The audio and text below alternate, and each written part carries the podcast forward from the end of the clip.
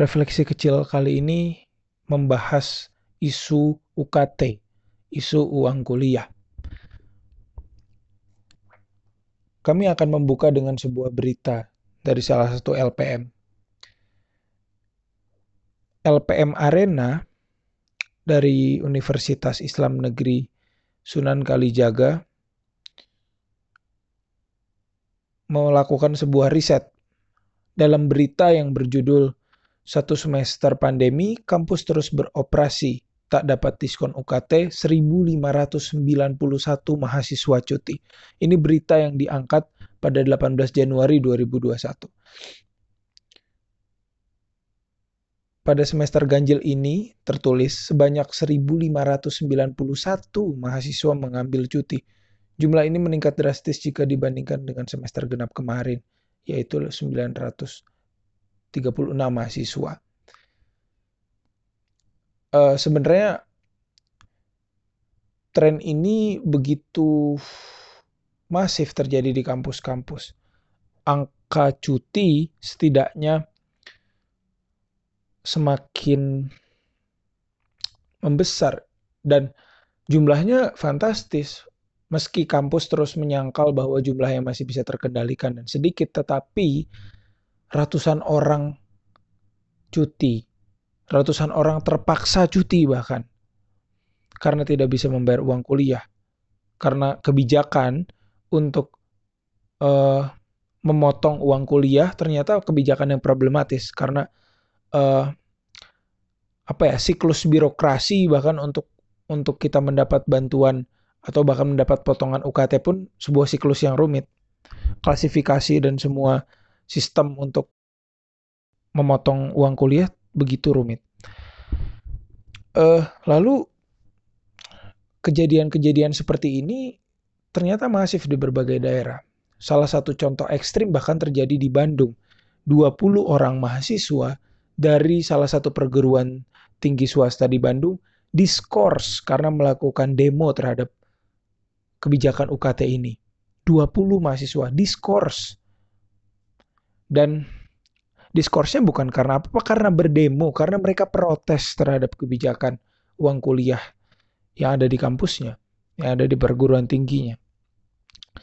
Dan ini membuat kita harus berpikir, ini membuat kita harus mencari sebuah jalan keluar bagi permasalahan ini. Dan akhirnya sebuah pertanyaan muncul, apakah cukup kita hanya melakukan protes, konsolidasi, aksi-aksi di media sosial? Apakah itu cukup?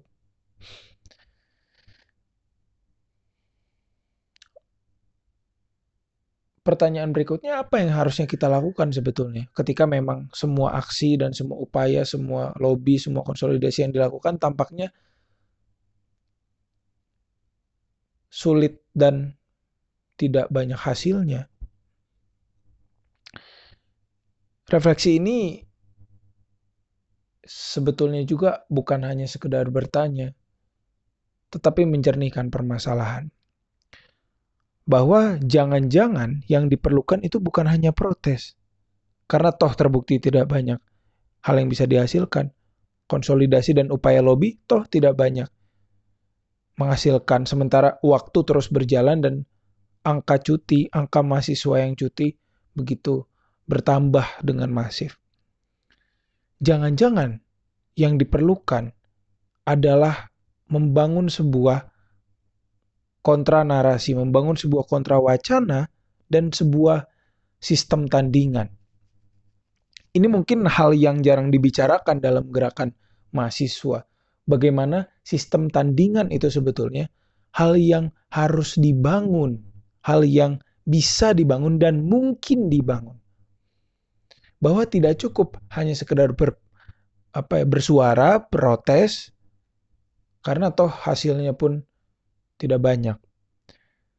Sistem tandingan bukanlah upaya protes secara konvensional ketika kita bersuara berharap birokrasi mau mendengar dan berharap menghasilkan solusi. Tidak.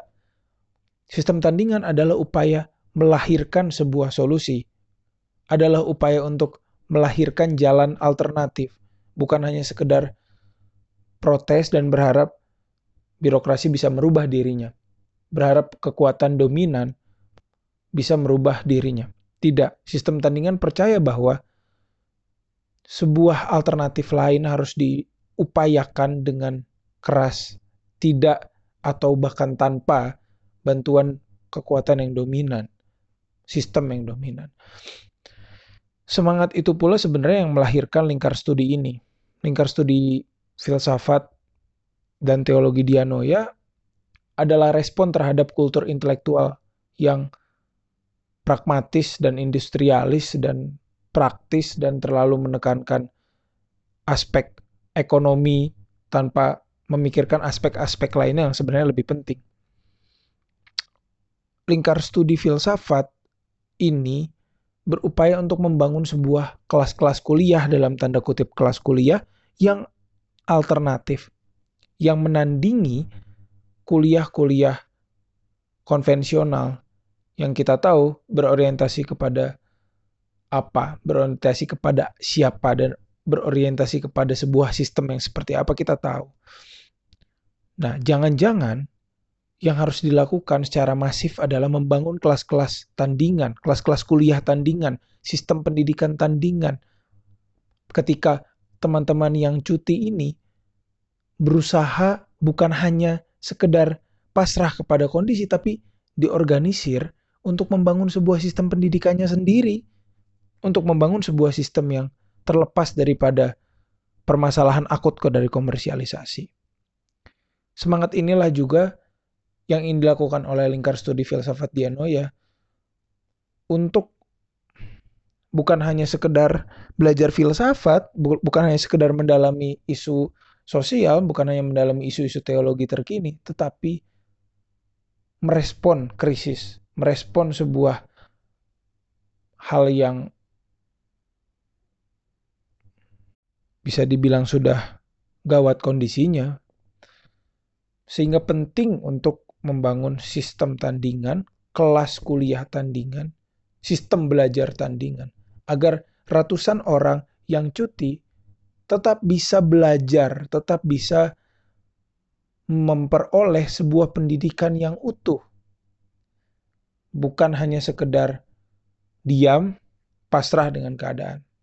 Sudah waktunya bagi mahasiswa untuk membangun kelas-kelasnya sendiri, kelas-kelas kuliahnya sendiri, sistemnya sendiri, sehingga kemajuan pendidikan bukan hanya karena sistem formal, tetapi memang diinisiasi oleh orang-orang yang telah muak terhadap sistem dan ingin sebuah sistem baru yang berdasarkan pada sebuah orientasi yang tak komersialis tetapi filosofis. Yang tidak sekedar berorientasi kepada ekonomi tetapi kepada aspek yang lebih luas. Yang tidak terkuasai oleh sekedar sistem pendidikan upahan tapi sistem pendidikan yang memerdekakan. Bangun kelas-kelas kuliah sendiri, bangun komunitas-komunitas berpikirmu sendiri, kuliah harus tetap berjalan meski sistem tak lagi bisa melindungimu. Mari merapat bangun sistem-sistemmu sendiri. Terima kasih. Refleksi kali ini sekian.